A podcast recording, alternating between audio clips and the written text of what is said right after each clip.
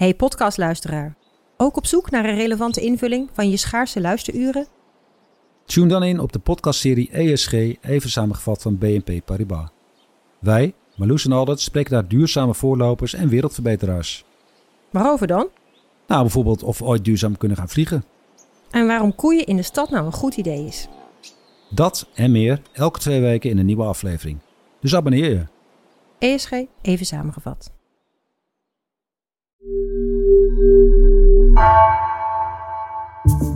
Vanaf de redactie van NRC het verhaal van vandaag. Mijn naam is Floor Boon.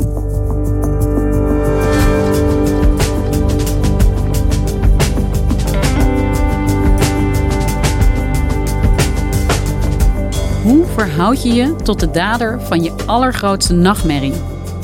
Freek Schravenzande volgde een echtpaar dat al 25 jaar de rechtszittingen bijwoont van de persoon die hun kind misbruikte. Hij zag door hun ogen het verhaal van iemand die al jarenlang vastzit in het TBS-systeem.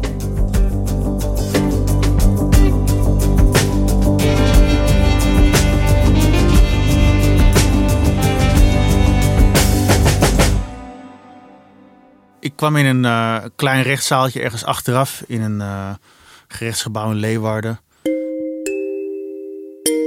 Er was een verlengingszitting van een TBS'er die daar uh, zat voor de rechter. Hij zat al 25 jaar in de TBS. En daar zat helemaal niemand op de tribune behalve één echtpaar ergens vooraan. Een wat ouder echtpaar. En een beetje voorovergebogen, want ze kunnen niet zo goed horen. Ik vind het sowieso de, de, de akoestiek heel slecht. Ik moet heel vaak een beetje schuin zitten om het goed mee te krijgen. Ik uh, raakte later na de zitting met ze aan de praat. En toen bleek het echtpaar deze man al 25 jaar te volgen. Omdat hij hun dochter had ontvoerd en seksueel had misbruikt toen ze 10 jaar oud was. En dan zit je wel weer in spanningen wanneer je in, de, in, die, in die wachtruimte zit. En dan zit je om me heen te kijken en dan ga je polsen. Wie is nou de behandelaar? Wie is nou de psycholoog? Je krijgt meestal twee weken van tevoren een uitnodiging en dan begint het wel weer bij mij. Ja. Zo van hoe, hoe dan- gaat het deze keer? hè? ja. Deze mensen volgen al 25 jaar één TBS'er. Dat is heel bijzonder, omdat ja, wie heeft nou zicht op het TBS-verloop van één iemand zo lang? En zij wilde wel meewerken aan een interview. De enige voorwaarde die ze stelde was dat ze niet met hun naam genoemd wilde worden. Ook ja, uit respect voor hun dochter, die eh, eh, op haar eigen manier dit eh, trauma verwerkt. Later, toen zijn we kibbeling gaan eten in, in Egmond aan Zee, aan het strand. En hebben we met elkaar gesproken. En hebben, heb ik het verhaal van hun gehoord. En dat wilden ze ook graag vertellen. Want ja, zij zaten ook al 25 jaar in hun eentje in die rechtszaal. Toen pas besefte ik eigenlijk dat het ook staat voor een groter verhaal. Namelijk eh, voor al die mensen die eh, in de TBS zitten. En waarvan, eh, waar het voor een deel goed werkt, maar waar een deel ook in vastloopt. Die zitten er jarenlang in. En voor sommigen ligt het aan henzelf, maar voor een deel ligt het ook aan het systeem. Freek, ehm, dit is een heel indringend verhaal. Deze mensen die volgen dus al 25 jaar het verloop van de zaak van één man. Gaan naar al die zittingen toe. Wat is er 25 jaar geleden precies gebeurd?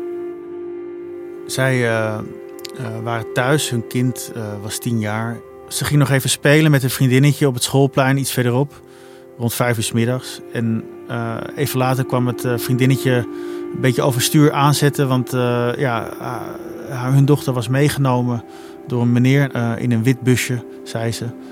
En ja, toen volgde een hele spannende dag, avond. Politie erbij, ouders natuurlijk helemaal overstuur. En eh, toen rond 12 uur, toen eh, klepperde de brievenbus. Toen stond ze weer voor de deur. Ja, ze was dus eigenlijk meegenomen door een echte ouderwetse kinderlokker. Eh, zo stond het ook in de kranten toen genoemd. En toen later bleek dus dat er ook wel het een en ander was gebeurd tijdens de periode dat ze weg was. Dat is echt de schrik van iedere ouder. Ja, dit is eigenlijk een beetje de nachtmerrie van elke ouder. Ja, dat, dat overkwam dit echtpaar. En eh, toen is hij veroordeeld eh, voor 2,5 jaar celstraf en TBS. Dat is een eh, maatregel die eindeloos kan worden verlengd. Dwangverpleging. En ja, die ouders die dachten van, nou dan zal die zo wel vrij zijn. En ja, ik denk gewoon door stress dat ik heel weinig heb meegekregen. Alleen dat hij twee jaar en tien maanden kreeg. Plus TBS met dwangverpleging. Toen dacht ik, nou ja, die is zo weer vrij. Maar dat bleek anders. Het TBS-systeem werkt eigenlijk als volgt. Er, zitten ongeveer 1400 mensen in de TBS op het moment. En eh, al die mensen die eh, zijn veroordeeld voor een, eh, voor misdrijf, soms geweld, soms zeden. die zijn door psychiaters onderzocht. En die hebben geconstateerd dat er iets met hun hoofd niet oké is. Ze hebben een stoornis. En dat betekent dat ze na hun gevangenisstraf in de TBS terechtkomen. En in die, die TBS, dat is een stelsel dat weer eigenlijk uniek is in de wereld. Het is bedoeld om eh, deels om de maatschappij te beschermen tegen mensen die eh, verminderd toerekeningsvatbaar zijn. En deels ook om deze mensen eh, te resocialiseren. Kijken of ze toch nog terug kunnen komen in de maatschappij. En voor de meeste me- mensen gemiddeld is de behandelduur acht jaar. Dus die komen na acht jaar zo'n beetje vrij. Eh, maar er is ook een, eh, een groep, een groeiende groep ook, die er eh, ja, meer dan 15 jaar in zit. En soms wel levenslang. En hoe gaat het in zijn werk? Op grond waarvan wordt besloten of iemand langer vast blijft zitten en in het systeem van TBS blijft? Om de twee jaar is er een verlengingszitting. Dan bepaalt de rechter of de TBS wordt verlengd of niet. En dan de rechter doet dat aan de hand van deskundigen die daar een oordeel over vellen. Eh, de kliniek, maar ook psychiaters en psychologen die hem dan onderzoeken en, eh, en, en eh, zeggen van nou, deze meneer die lijkt er wel toe aan een, aan een stap meer vrijheid. En het hoeft niet meteen buiten de kliniek te zijn, maar wel een stapje meer in bijvoorbeeld iets minder beveiligingsniveau. En hoe zit dat met deze TBS'er? Deze TBS'er die zit er dus nu zo'n beetje 25 jaar in. En ja, die raakte eigenlijk steeds gefrustreerder hoe langer hij erin zat. Hij ging van kliniek naar kliniek naar kliniek naar kliniek. En elke keer kreeg hij ook weer een andere diagnose. Ik heb even een rijtje gemaakt, want ik heb ook wel wat eh, dossiers eh, ge- gezien van hem. Hij begon de TBS eh, met een diagnose dat hij onthecht was en pedagogisch en affectief verwaarloosd in zijn jeugd.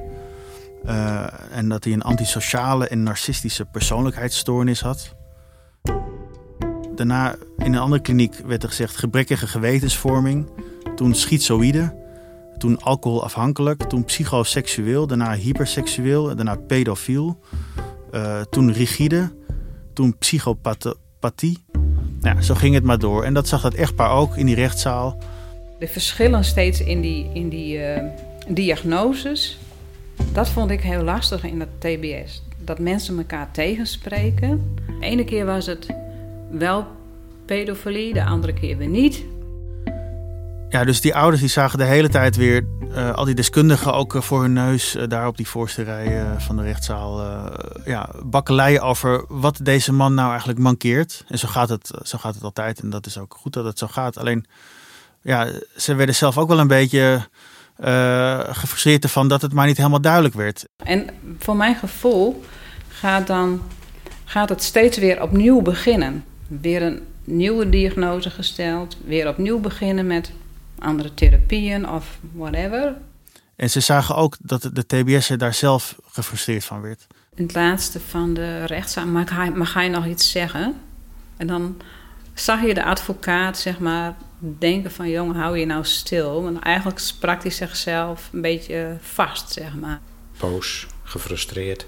Dat ging behoorlijk tekeer tegen die mensen. Van ja, ik, ben, krijg een eerlijk proces en alles is al geregeld en alles is al klaar. Ik eh, krijg helemaal dit niet en dat niet. En dan werd hij behoorlijk eh, boos. Totdat er na 17 jaar een andere diagnose werd gesteld. En dat was autisme. En eh, vanaf dan wordt hij ook op een andere manier bejegend in de kliniek. En wordt er gekeken naar ja, hoe, hoe werkt dat autisme bij hem en eh, wat voor behandeling kunnen we jou het beste geven. Het leek aan te slaan en, vanaf dan zag het echtpaar ook een soort ontspanning bij hem ontstaan in de rechtszaal ook. Toen merkte je dat hij rustiger werd, niet meer zo achterdochtig. En wat ze vertelden was ook beter, zeg maar. Hè? Dus ehm, Niet meer dat hij ruzies had of, of vriendelijker in zijn bewoording, niet meer zo agressief. En uh, dat ik dacht van, oh, er gaat toch iets uh, bij hem werken, zeg maar. Alles gaat veel beter.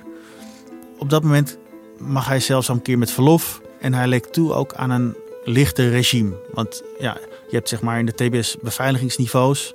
Hij zat op beveiligingsniveau 4, het zwaarste. En hij zou naar beveiligingsniveau 3 gaan. En dan heb je iets meer vrijheden.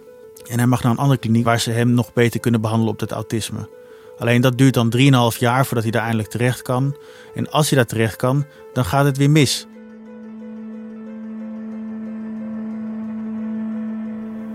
hij had op internet uh, porno gezocht, girls with braces. Uh, dat mocht niet. Hij had ook nog een, relatie aangeknoopt met een medepatiënte. Dat mocht ook niet. Hij had de regels overtreden. en ja, werd als het ware gestraft door weer terug te worden geplaatst naar zijn oude kliniek, waar zijn vrijheden weer werden ingeperkt. En de ouders zagen toen hij terugkwam en zijn kans was verkeken, zagen ze weer de oude TBS'er voor zich die ze altijd al zagen, maar misschien nog wel nog gefrustreerder dan hij al was. Omdat ja, hij zat weer op zijn oude plek en had het gevoel dat er nog steeds niks was verbeterd. Hij zit nu al ruim twee jaar in Almere. Zonder behandeling. Zonder behandeling. Dat is toch heel frustrerend, lijkt mij. Dat het zo lang moet duren. En Freek, jij beschrijft hier eigenlijk het proces dat deze man doormaakt in die 25 jaar door de ogen van de ouders. Ehm, maar hij heeft hun kind iets vreselijks aangedaan. En tegelijkertijd hoor ik ook ergens iets van ja, begrip dat ze voor deze man opbrengen. Klopt dat? Begrip is een groot woord, uh, maar ze, zijn, ze volgen hem ook om, uh, om wel beter te kunnen begrijpen waarom uh, zo iemand dit bij hun dochter heeft gedaan ooit. En je, wat ik wel bijzonder vond ook was dat ze ook daar niet zelf met elkaar niet helemaal over eens zijn. de vader die voelt nog steeds haat. Zie, ik zat altijd met een, de beginjaren van echt met wraakgevoelens. Absoluut. Haat. Haatgevoelens naar hem toe. Van jongen, jongen, jongen, wat heb je gedaan? En de moeder, die voelt wel meer... Die denkt ook wel eens van ja, wat nou als het je eigen zoon is? Als moeder denk ik is dat ook een ander gevoel. Als je sommige dingen ook leest in die rapportages, dan denk ik, ja, dat is eigenlijk geen wonder dat, dat een kind dan dat het misgaat met een kind. Ze probeert een andere perspectief te begrijpen ze probeert het te begrijpen, ja. Maar voor haar is het ook belangrijk om niet in haat te leven. Ik heb wel eens iets over gelezen, over vergeven. Vergeven kun je ook doen voor jezelf. Dat je zelf daardoor makkelijker erover kunt denken. De ouders hebben daar in het begin ook best wel wat ruzie over gehad. In uh, die eerste jaren. En nu hebben ze daar wel respect voor. Ze respecteren dat van elkaar, dat ze er anders over denken. Oh, in het begin hadden we daar wel ruzie over. Ja, we hebben ruzie gehad en... Uh, Niks zeggen tegen elkaar. Er niet meer over hebben. het ging niet goed. Nee. We zijn er later wel uh, met z'n tweeën sterker uitgekomen. Maar uh, in het beginjaren dat, ja, werd het wel, was het wel even heftig. Ja. En uiteindelijk, deze mensen zitten hier te kijken naar de dader die hun dochter iets vreselijks heeft aangedaan. Hoe ga je om met mensen die de meest vreselijke misdaden hebben begaan, maar tegelijkertijd natuurlijk toch ook mens zijn? Ja, dat, dat is voor hun natuurlijk ook een hele worsteling. Uh, en bij hun is wel de, de, de, woede is, is gaan liggen. En ze zien nu natuurlijk ook gewoon uh, ja, een, een, man zitten die ouder is geworden, die nu 50 is. En uh, ja, ook niet echt meer perspectief ziet of zo. Maar ze zijn vooral ook blij dat, dat, dat hij daar nog zit ook. Maar ze zien ook dat het systeem voor hem niet werkt. Wat ze zien is dat, dat al die behandelaren uh, zijn nu 10, 12 zittingen hebben ze meegemaakt. 10, 12 rechtszittingen. En elke keer zijn er weer nieuwe behandelaren die weer iets anders van hem vinden. Sommigen kennen hem nog amper. En ja, juist natuurlijk ook iemand met autisme kan ook behoefte hebben aan vastigheid, aan structuur, aan een soort basis. En dat is in de TBS ook toch moeilijk te, te bieden voor hem. Eén keer was er iemand die zei: Ik heb hem nog niet zo lang onder mijn hoede. Ik dacht, ja, maar wat doen we hier dan? Ik ken hem nog niet zo lang. Dacht ik, ja, waarom zitten we hier dan? Ja, dat is een beetje een gebed zonder einde, zeg maar. Is het eigenlijk uniek dat deze man zo lang vastzit op een ogenschijnlijk korte gevangenisstraf van 2,5 jaar, maar dat die TBS zo ontzettend lang voortduurt? Nou, eh, het is, het is natuurlijk, deze maar een heel klein deel dat zo lang in de TBS zit. Maar wat niet uniek is, is dat er veel frustratie onder TBS'ers ook is over de manier uh, hoe het systeem in elkaar zit. Namelijk telkens weer andere behandelaren. Dat is ook misschien moeilijk om daar iets aan te doen, maar het is wel een frustratie die er bij veel TBS'ers is. Dus eigenlijk zou het beter zijn als zo iemand ja, in op één plek zou kunnen zijn en zijn hele traject van 25 of misschien wel levenslang ja, bij dezelfde behandelaren zou kunnen blijven. Je zou hopen dat er op een of andere manier inderdaad dat behandelaren langer aan hun patiënten gekoppeld blijven of zo. Maar ja, dat is niet de realiteit, want uh, dat uh, valt mij ook op dat er heel veel uh, behandelaren zijn ja, zelfstandigen en die gaan weer naar een volgende kliniek. en dat maakt het allemaal natuurlijk, ja, ook voor een TBS'er maakt het het onvoorspelbaar. En dit is vanuit het perspectief van resocialisatie, dat het in het geval van deze man dus niet lukt eigenlijk. Intussen, uh, dat andere punt, blijft de maatschappij wel beschermd tegen hem. Ja, werkt het vanuit dat oogpunt dan wel? Ja, ja, klopt. En daar is de TBS ook voor bedoeld. En uh, het aantal opleggingen van TBS, uh, dat, dat, dat, dat, dat golft ook een beetje zo door de tijd heen. En dat is ook een soort reflectie van hoe wij als samenleving over dit soort mensen denken. En wat je nu bijvoorbeeld ziet na de zaak Anne Faber, waarbij uh, Michael P., de, de, de, studenten toen had uh, uh, omgebracht en ook seksueel misbruikt. Um, toen zag je dat het aantal opleggingen van TBS enorm is toegenomen.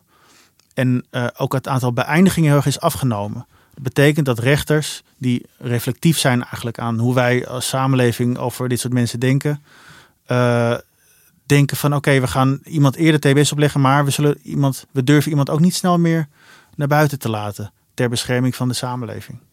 Als er veel meer TBS-behandelingen opgelegd worden, dan ja, komen er ook veel meer mensen het systeem in. Klopt. TBS'ers ervaren daar frustratie over. En dat zien advocaten, maar dat zien de klinieken zelf ook. Die uh, ook uh, merken dat zo'n frustratie, dat werkt natuurlijk de behandeling ook weer tegen. En dat heeft natuurlijk ook meteen consequenties voor mensen als deze ouders die hem volgen. Maar wat ik me eigenlijk de hele tijd afvraag, waarom zijn zij hem zo blijven volgen al die 25 jaar? Dat is echt, ja, misschien wel het ergste dat je jezelf ook kunt aandoen, en kan ik me voorstellen. Ja, eh, twee redenen. Uh, de eerste is dat ze gewoon toch ook de zekerheid willen dat hij weer uh, verlenging van zijn TBS krijgt, zodat ze niet bang hoeft te zijn dat hij uh, op straat komt te staan en uh, misschien opnieuw iets met iemand doet. Is hij genoeg genezen op een gegeven moment om weer de maatschappij in te kunnen? Ik denk het niet. Uh, de andere reden is dat ze ook willen begrijpen wie hij is en waarom hij heeft gedaan wat hij heeft gedaan. En hoe vaker ze hem zien, hoe meer ze ook misschien wel ja, toch een beetje in zijn hoofd kunnen kruipen. Wij willen gewoon kijken hoe het gaat met hem. Dat klinkt misschien vreemd. Maar we willen gewoon weten hoe stelt, staat het ervoor, hoe is hij ontwikkeld, hoe wordt hij goed behandeld. Maar bij mij zit nog steeds de boosheid, hè? van heeft mijn kind iets gedaan? En uh, niet zo zijn ook natuurlijk. Zit er een eindpunt aan het verhaal voor deze mensen? Is het ooit klaar? Nee, zij, uh, zij zullen hem uh, altijd blijven volgen. Hoe oud hij ook wordt. En dan, ja, dan gaat het zoals het eigenlijk altijd gaat. Ze krijgt dan bericht van het Openbaar Ministerie dat, uh, dat er een uh, zitting is over twee weken. En ze zijn altijd al een beetje zenuwachtig vanaf dan. Van ja, wat zal er allemaal op de zitting gezegd worden? En dan als het zover is die dag, dan gaan ze erheen met de auto. En dan uh, gaan ze daar zitten, ook weer op die voorste rij. En dan zien ze hem binnenkomen. Nou, alweer wat ouder geworden zien ze dan weer. En dan als de zitting voorbij is, dan gaan ze eh, naar de overkant. Naar een café waar ze altijd heen gaan. En dan gaan we koffie drinken, wat lekkers erbij. Met gebak of een broodje. Dan hebben we het er soms niet eens over. Het is net of moet je dat allemaal het, eh, tot je nemen of zo. Het wordt buiten een gewoonte.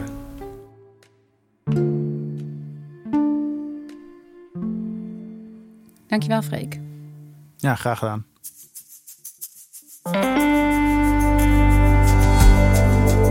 Je luisterde naar vandaag, een podcast van NRC. Eén verhaal, elke dag. Deze aflevering werd gemaakt door Iris Verhulsdonk, Henk Ruigrok van der Werven en Jennifer Patterson. Dit was vandaag. Maandag weer.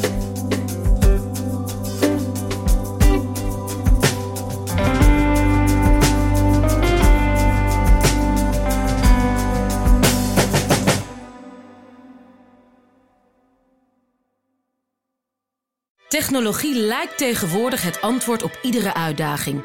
Bij PwC zien we dit anders. Als we de potentie van technologie willen benutten, kunnen we niet zonder een menselijk perspectief. Human-led, tech-powered noemen we dat. Ga naar pwc.nl.